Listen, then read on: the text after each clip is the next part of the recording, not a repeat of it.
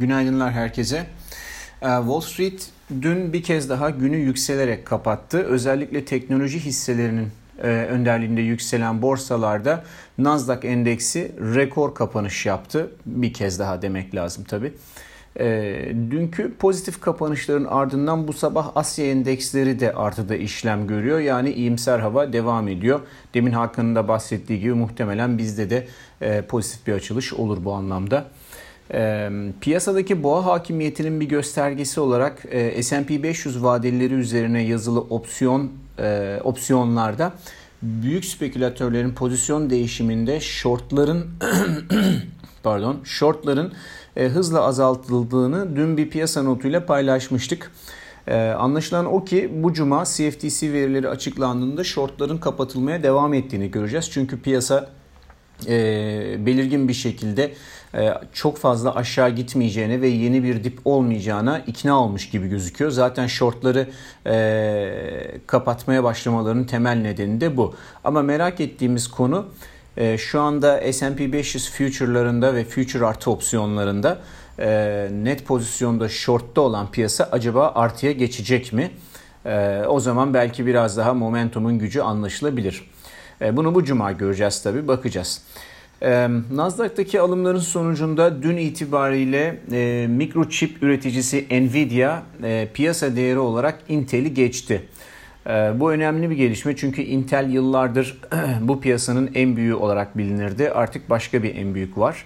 Ee, burada bu güçlü performansın arkasındaki e, nedenlerin başında Nvidia'nın mikroçip çip üretimini sadece bilgisayarlarla sınırlamayıp otomotivde, yapay zekada ve data merkezlerinde kullanılabilecek çipler yapacak şekilde çeşitlendirmesi olarak düşünülebilir. Oysa Intel bu çeşitlendirmeyi yapamadı. Ee, şeyde bile telefonlarda kullanılacak çip, çipler çipleri üretirken bile sorun yaşamıştı Intel.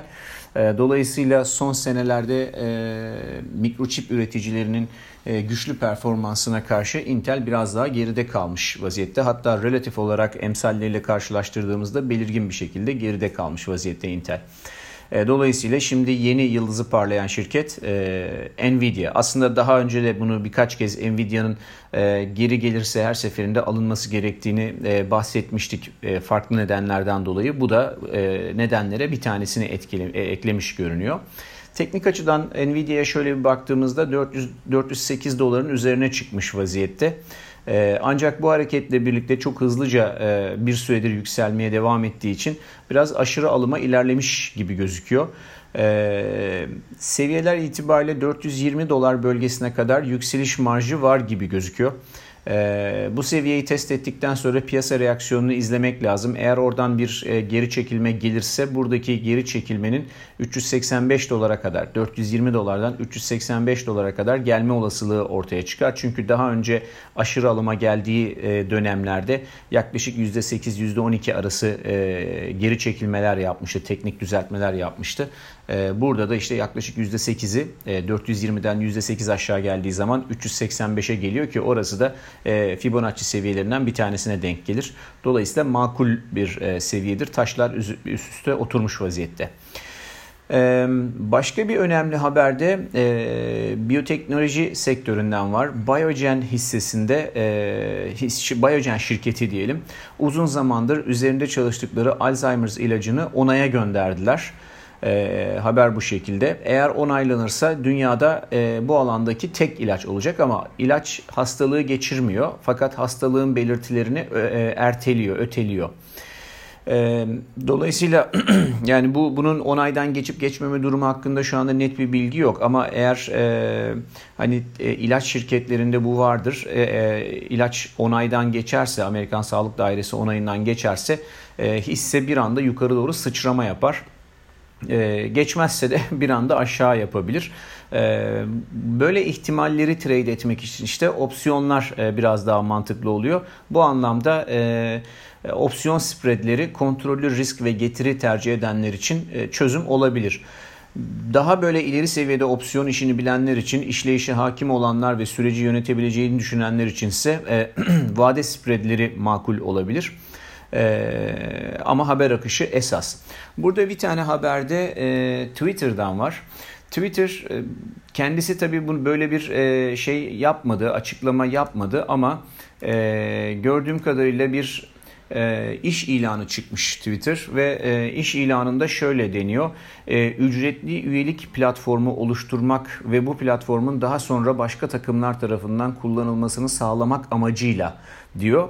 Bu şekilde birilerini bir yazılım mühendisleri işe almak istiyorlar.